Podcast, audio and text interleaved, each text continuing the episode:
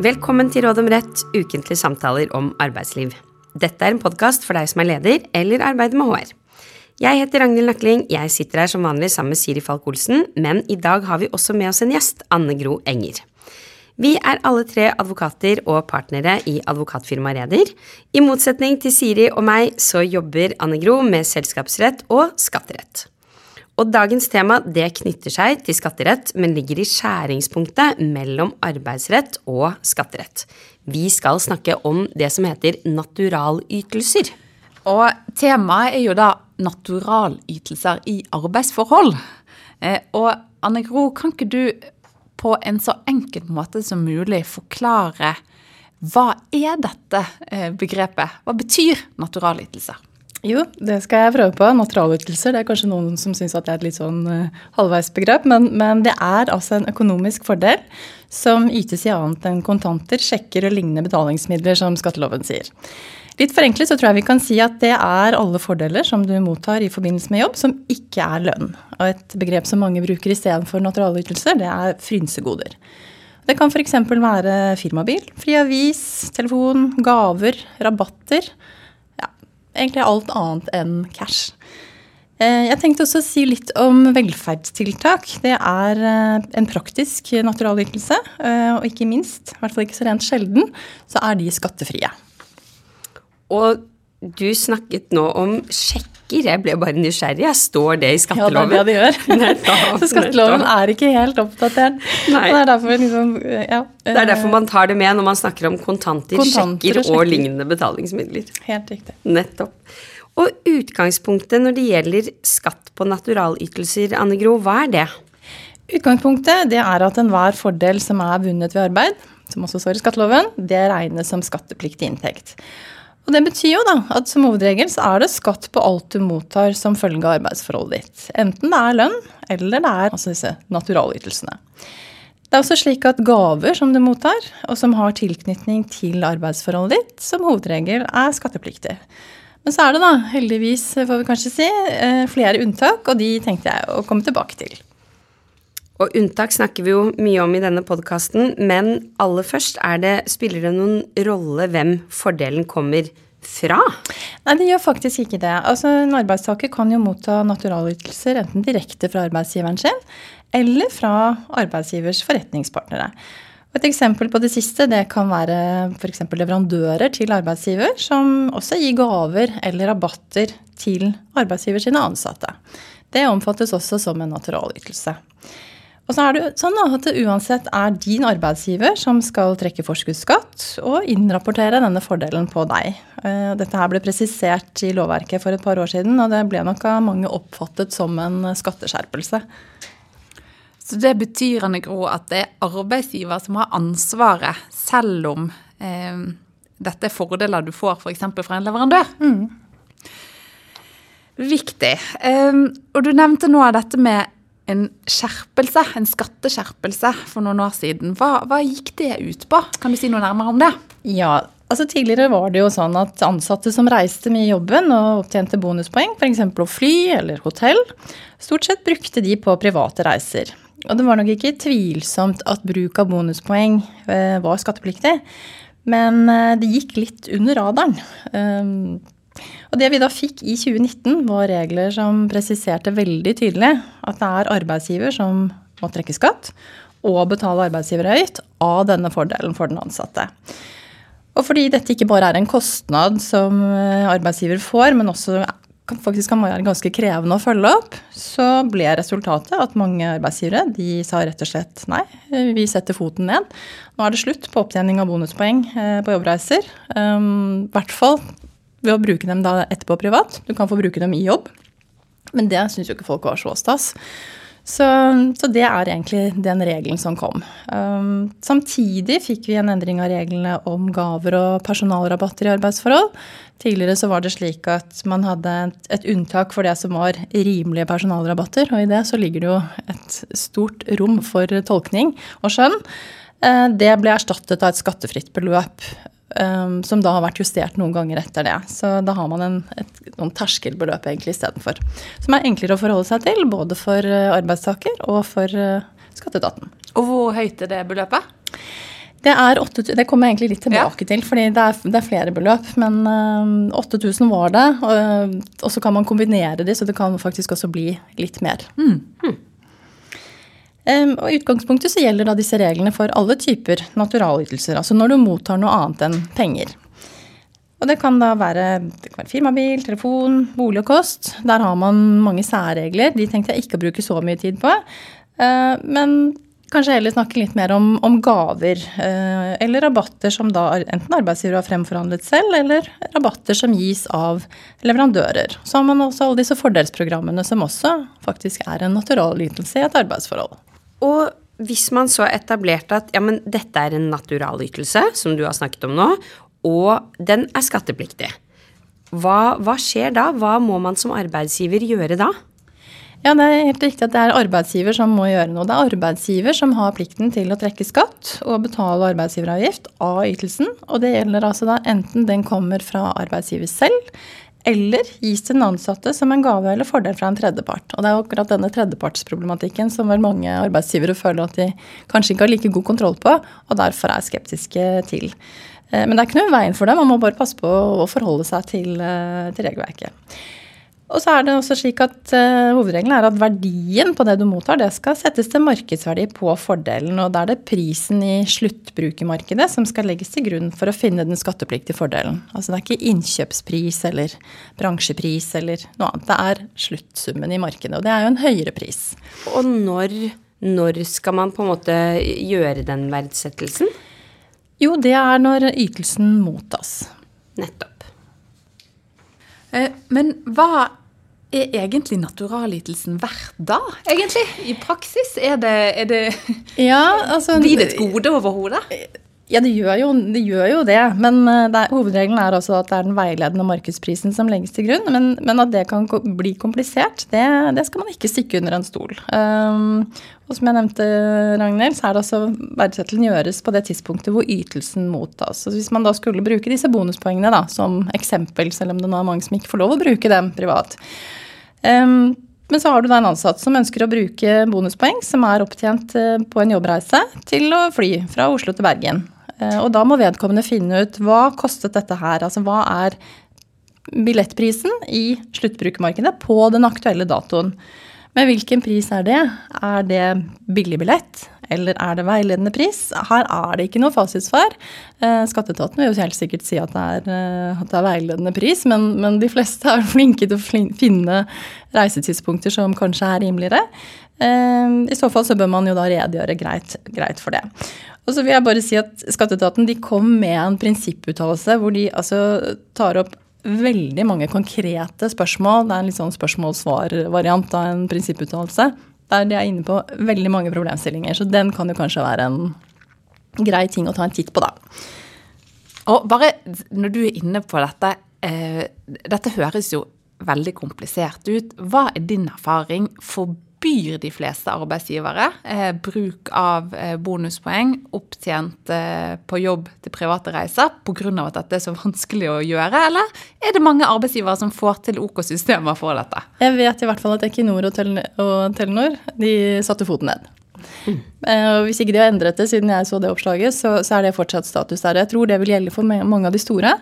Eh, kanskje noen av de mindre tenker at dette, dette greier vi å holde styr på. Um, men um, Og så har jeg også sett at jeg tror SAS kom med en sånn dette er måten å gjøre det på. Vi hjelper deg. Vi har utarbeidet et program som kan holde styr på hvordan de gjør dette her. Men, men, igjen, da, men da må du kjøpe programmet, da, kanskje? Ja, ja det tror jeg nok at de tilbyr. Men, men, det er i hvert fall, det er jo arbeidsgiver som har denne plikten mm. til å gjøre det. Og det er klart, trekkplikt og, og også arbeidsgiveravgiften gjør at dette blir en kostnad for vedkommende. Så det skaper rett og slett en del ekstraarbeid for arbeidsgiver? Det skaper en del ekstraarbeid. Og så vet jeg at det er mange som er uh, snurt for at det ikke lenger er mulig å, å reise på surt opptjente bonuspoeng, men, men eh, sånn er det. sånn er det. Og du sa jo litt tidligere i denne episoden at det var en del unntak fra dette med at eh, naturalytelser vanligvis, i hvert fall, skal eh, skattlegges. Eh, kan du fortelle om det? Si litt mer om det. Ja, Eh, vi har eh, flere unntak i skatteloven. Én viktig heter skattefrie arbeidsinntekter. og Den gjelder da for det første gaver i arbeidsforhold. Og det er heldigvis slik at det vi kaller oppmerksomhetsgaver, altså typ en blomsterbukett fordi du har gjort en god innsats, en vinflaske i ny og ne, det er skattefritt. Gitt at verdien er det skal man i praksis i hvert fall kalle bagatellmessig.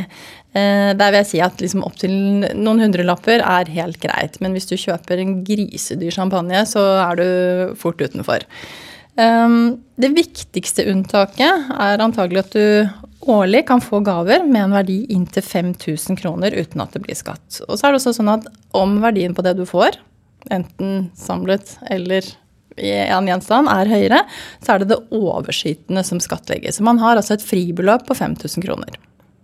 Og det kan man bruke på hva som helst, eh, bare det ikke er cash du får utbetalt. Og bare et spørsmål, når, vi, når du snakket om 8000 tidligere, er det på en måte da 8000 pluss disse 5000 man kan få, pluss et par blomster og noen vinflasker ja, fordi man har gjort så god jobb? Det er helt riktig, Ragnhild. Du, du, går liksom litt fortere frem, for det kommer jeg også tilbake til. At man kan, man kan kombinere disse unntakene.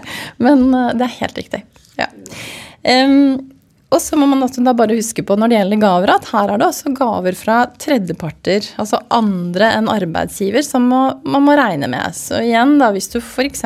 får en gave fra en leverandør, så, så må man ta med den i, i dette fribeløpet, eller og igjen er det arbeidsgiver da som har ansvaret for å trekke og innberette og gjøre alt man skal i så måte. Um, i tillegg så er det også sånn at man kan få gaver ved spesielle anledninger. Eh, F.eks. når du gifter deg, eh, når du fyller 50. 50, 60 og 70. Eh, diskriminering av 30- og 40-åringene dette her, men sånn er det. Følger av skatteloven. Da er fribeløpet 4000 kroner. Og igjen, det kan da komme i tillegg til de 5000 kronene. Og så har man uh, dette liksom, før kalte gullklokka, altså for lang og tro tjeneste. Uh, spesifisert til minst 20 år i bedriften. 20 års uh, tjenestetid. Da er grensen 8000 kroner for den gaven. Og så er det også for 30 år og 40 år. Så, så det er terskelverdier, og disse reguleres jo med jevne, ujevne mellomrom. Så man bare følger med på det ganske detaljerte regler, med ja, andre ord. Det er. Eh, men eh, er det andre unntak du tenker er viktig å nevne? Ja. Eh, jeg har i og for seg vært litt inne på det allerede. Det er dette med unntaket for personalrabatter. Altså Hvis du får en rabatt, da, enten av din egen arbeidsgiver for ting man produserer i, i denne virksomheten, eller av leverandører, på varer og tjenester som jo da er knyttet opp mot arbeidsforholdet. Det er vanskelig å komme unna det når det er fra noen av, disse. Så skattlegges du da ikke for den delen av rabattene som samlet gir en prisreduksjon på inntil 8000 per år. Altså det er først når du kommer over det beløpet, da blir det skatt, og da blir det skatt på det overskytende. Og igjen så er det sånn at denne rabatten den beregnes på grunnlag av hvilken verdi denne varen eller tjenesten har i et sluttbrukermarked. Så heller ikke her er det innkjøpspris som er avgjørende. Der var, hva er, er verdien ut. Og eh, er det enda flere unntak som arbeidsgivere bør merke seg Ja, dette temaet? Det er faktisk det. Det høres ut som det er så mange unntak at man ikke har en hovedregel, men vi har det. Et veldig viktig unntak er dette unntaket for rimelige velferdstiltak. Eh, og det er eh, naturalytelser som eh, gjelder alle eller en betydelig gruppe, i, en betydelig gruppe ansatte i bedriften. Det kan typisk være rimelig mat i kantina, bruk av en bedriftshytte, tilstelninger osv. Det regnes ikke som skattepliktig inntekt. Og om dette velferdstiltaket er rimelig, det beror på en vurdering av om det er vanlig i arbeidslivet. Verdien av det enkelte tiltaket for den ansatte, og om summen av velferdstiltak i løpet av året har en mindre økonomisk verdi. Så man kan altså ikke makse dette her eh, voldsomt i, fordi bedriften har særlig god råd. Det er liksom en litt sånn gjeng standard som gjelder. På den tiden av året her da, så er det jo veldig mange som er særlig opptatt av trening og helse. Eh, så tenkte jeg kanskje det var på sin plass å nevne at eh, tilgang til trimrom i bedriftens lokaler, det er et rimelig velferdstiltak. Det regnes også som et rimelig velferdstiltak om bedriften leier lokaler i et treningssenter, eh, typisk på bestemte tidsrom, til bruk for bedriftens ansatte.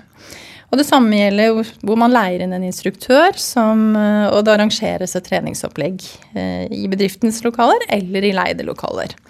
Det er helt, det er helt fint, og, og, mange som gjør, gjør, det. Det som dessverre ikke er et rimelig velferdstiltak, det er løsningen der hvor arbeidsgiver dekker ditt personlige medlemskap og Sats eller, eller lignende. Som gir rett til fri bruk av helsestudio utenom bedriftens lokaler. Men så er det jo sånn at der arbeidsgiver kanskje dekker noe, og du dekker resten, så er det jo bare den delen som arbeidsgiver dekker, som anses som en fordel som da ikke er, ikke er skattefri. Og som arbeidstaker så vil det jo uansett bli noe billigere for deg. Det er jo bare skatten du må betale. Og så blir det en kostnad for arbeidsgiver, da, som må betale arbeidsgiveravgift på det. Ja. Um, og så har man jo også de tilfellene der hvor en arbeidsgiver kanskje har fremforhandlet en rabatt da, på et treningssenter. Den stiller inn i samme kategori som øvrige rabatter. Det er en skattepliktig fordel. Og du var litt inne på nå, Anne Gro, men dette med at som arbeidstaker er det ikke noe aktivt man må gjøre i forbindelse med dette, ikke sant. Det er arbeidsgiver. Det er arbeidsgiver som, som, har ansvaret. Ja, så mm. de som lytter til oss og er ledere eller arbeider med HR, vet jo da at da er det de som må gjennomføre og passe på dette. På. Helt riktig. Og så har du også vært, en, du har jo vært inne på egentlig flere unntak nå. Vi snakket om eh, skattefrie arbeidsinntekter, vi snakket på, om unntak knyttet til personalrabatter, og vi snakket om nå aller sist unntak knyttet til rimelige velferdstiltak. Er det sånn at det er slutt på unntakene nå, eller er det noen flere? Det tar aldri slutt. Jo, det, det gjør det. Eh, det er eh, enda flere unntak, faktisk. Det er eh, så goder som retter seg der som man har tjenestelig behov for. Du hører at det er skatteloven som ligger og lurer i bak, bakgrunnen her. Eh, eksempel på det kan være fri avis eller tilgang til flere aviser eller nyhetstjenester når man har tjenestelig behov for å disponere en sånn. Det er det skattefritak for. Det samme gjelder årsavgift på betalingskort som du har bruk for i jobben din. Gitt at du nå, når det er et sånn tilleggsvilkår om at du ikke må by på mye eh, jeg trøbbel ja, for, for, arbeidsgiver, at du også bruk, kan bruke det privat. Og så har man spesielle unntak som er eh, vel kanskje si, begrunnet i et ønske om helsemessig gevinst. Det er eh, f.eks. skattefritak for røykavvenningskurs. Eh, det er skattefritak for influensavaksine som arbeidsgiver dekker. Um, utover det så har man også generelle unntak for utgiftsgodtgjørelser. Altså at du uh, har hatt en utgift på vegne av arbeidsgiver, og så får du kompensert den. Det er bare overskudd på en utgiftsgodtgjørelse som er skattepliktig. Uh, og fra det igjen så har man noen unntak knyttet til kjøregodtgjørelse. Altså hvis man da får kjøregodtgjørelse fastsatt etter statens satser, så er det ikke skattepliktig inntekt selv om man har et overskudd på det. Og vi har jo tidligere hatt eh, vår kollega Tone Kårbø i studio, og da snakket hun om eh, skatt og sluttavtaler. Eh, og da var det tatt opp dette med at uten, utdanning dekket av arbeidsgiver eh, på visse vilkår kunne være en, en skattefri eh, ytelse. Er det også en naturalytelse som er skattefri? Ja, det er det. Ja, det er en naturalytelse. Og ja, den er skattefri gitt at man da oppfyller eh, de vilkårene som jeg sikkert på Tone snakket kanskje mer i detalj om enn jeg gjorde. Men eh, da kan man jo høre på den episoden en gang til. Jeg tenkte bare å ta liksom, hovedelementene her. Det er altså skattefritak for utdanning som dekkes av arbeidsgiver for inntil 1,5 ganger folketrygdens grunnbeløp, altså dette G. Og med dagens G så utgjør vel dette her ca. 160 000. Um, det er jo knyttet en del vilkår til dette fritaket. Uh, og det stilles også vilkår om at kostnadene må dokumenteres. Og skattefritaket det gjelder eh, bare dersom den utdanningen som du tar, i kompetanse som kan benyttes i nåværende arbeidsstilling eh, eller i fremtidig arbeid hos nåværende arbeidsgiver. Eller dekkes i forbindelse med opphør av arbeidsforhold, og som gir en kompetanse som kan nyttiggjøres ved søking av nytt arbeid hos ny arbeidsgiver. Og de utgiftene som typisk vil kunne dekkes av en arbeidsgiver, det er jo da selvfølgelig kostnadene til undervisningen, altså skolepenger, eksamensavgift, skolebøker og egentlig alt knyttet til, til selve studiet. Men vær da oppmerksom på dokumentasjonskravet eh, her. Og så kan man også få dekket reisekostnader hvis man må reise til utdanningsstedet fra et permanent eller midlertidig bosted. Så dette vil jo jeg si egentlig er et kjempeviktig og ganske sånn omfattende unntak. Um, som man bør være klar over. Og det er jo egentlig alles interesse at man uh, får en enda bedre kompetanse hos den enkelte arbeidstaker. Det er jeg veldig enig i. Og nå har jo du vært litt inne på det, fordi at Ragnhild var litt rask og forskutterte temaet. Men kan ikke du presisere igjen dette med hvordan og kan man kombinere de ulike unntakene? Ja. Ja, du kan kombinere de ulike unntakene. Og det betyr at ja, du kan få både rabatt og gave. Sånn i, som en hovedregel så kan du da med dagens satser eh, motta eh, både rabatter som er 8000 kroner, og skattefrie gaver eh, inntil 5000 kroner skattefritt. 13 000 kroner i året. Og hvis du da er så heldig et år å være omfattet av to gaveunntak, eller kanskje flere, hvis du liksom både gifter deg og fyller 50 i det samme året, så kan det bli mange skattefrie gaver. Um, for da kommer jo det i tillegg. Og så er det sånn at de øvrige skattefriytelsene som jeg snakket om, altså velferdstiltak osv., de kommer selvfølgelig i tillegg til dette her.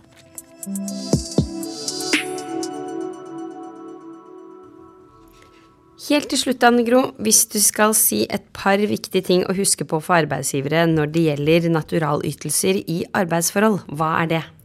Ja, Som arbeidsgiver så vil jeg jo se er det noe du kan, er man omfattet av ett eller flere av disse unntakene. At Man kan faktisk gi sine ansatte en, en gave eller en rabatt som er skattefri. Eh, men hvis det er slik at denne naturalytelsen er skattepliktig, så er det veldig viktig at arbeidsgiver eh, holder oversikt og foretar riktig innrapportering. Det er arbeidsgivers ansvar, og det må man passe på. Det var det vi hadde i dag. Vi kommer tilbake med nytt tema og nye tips i neste episode.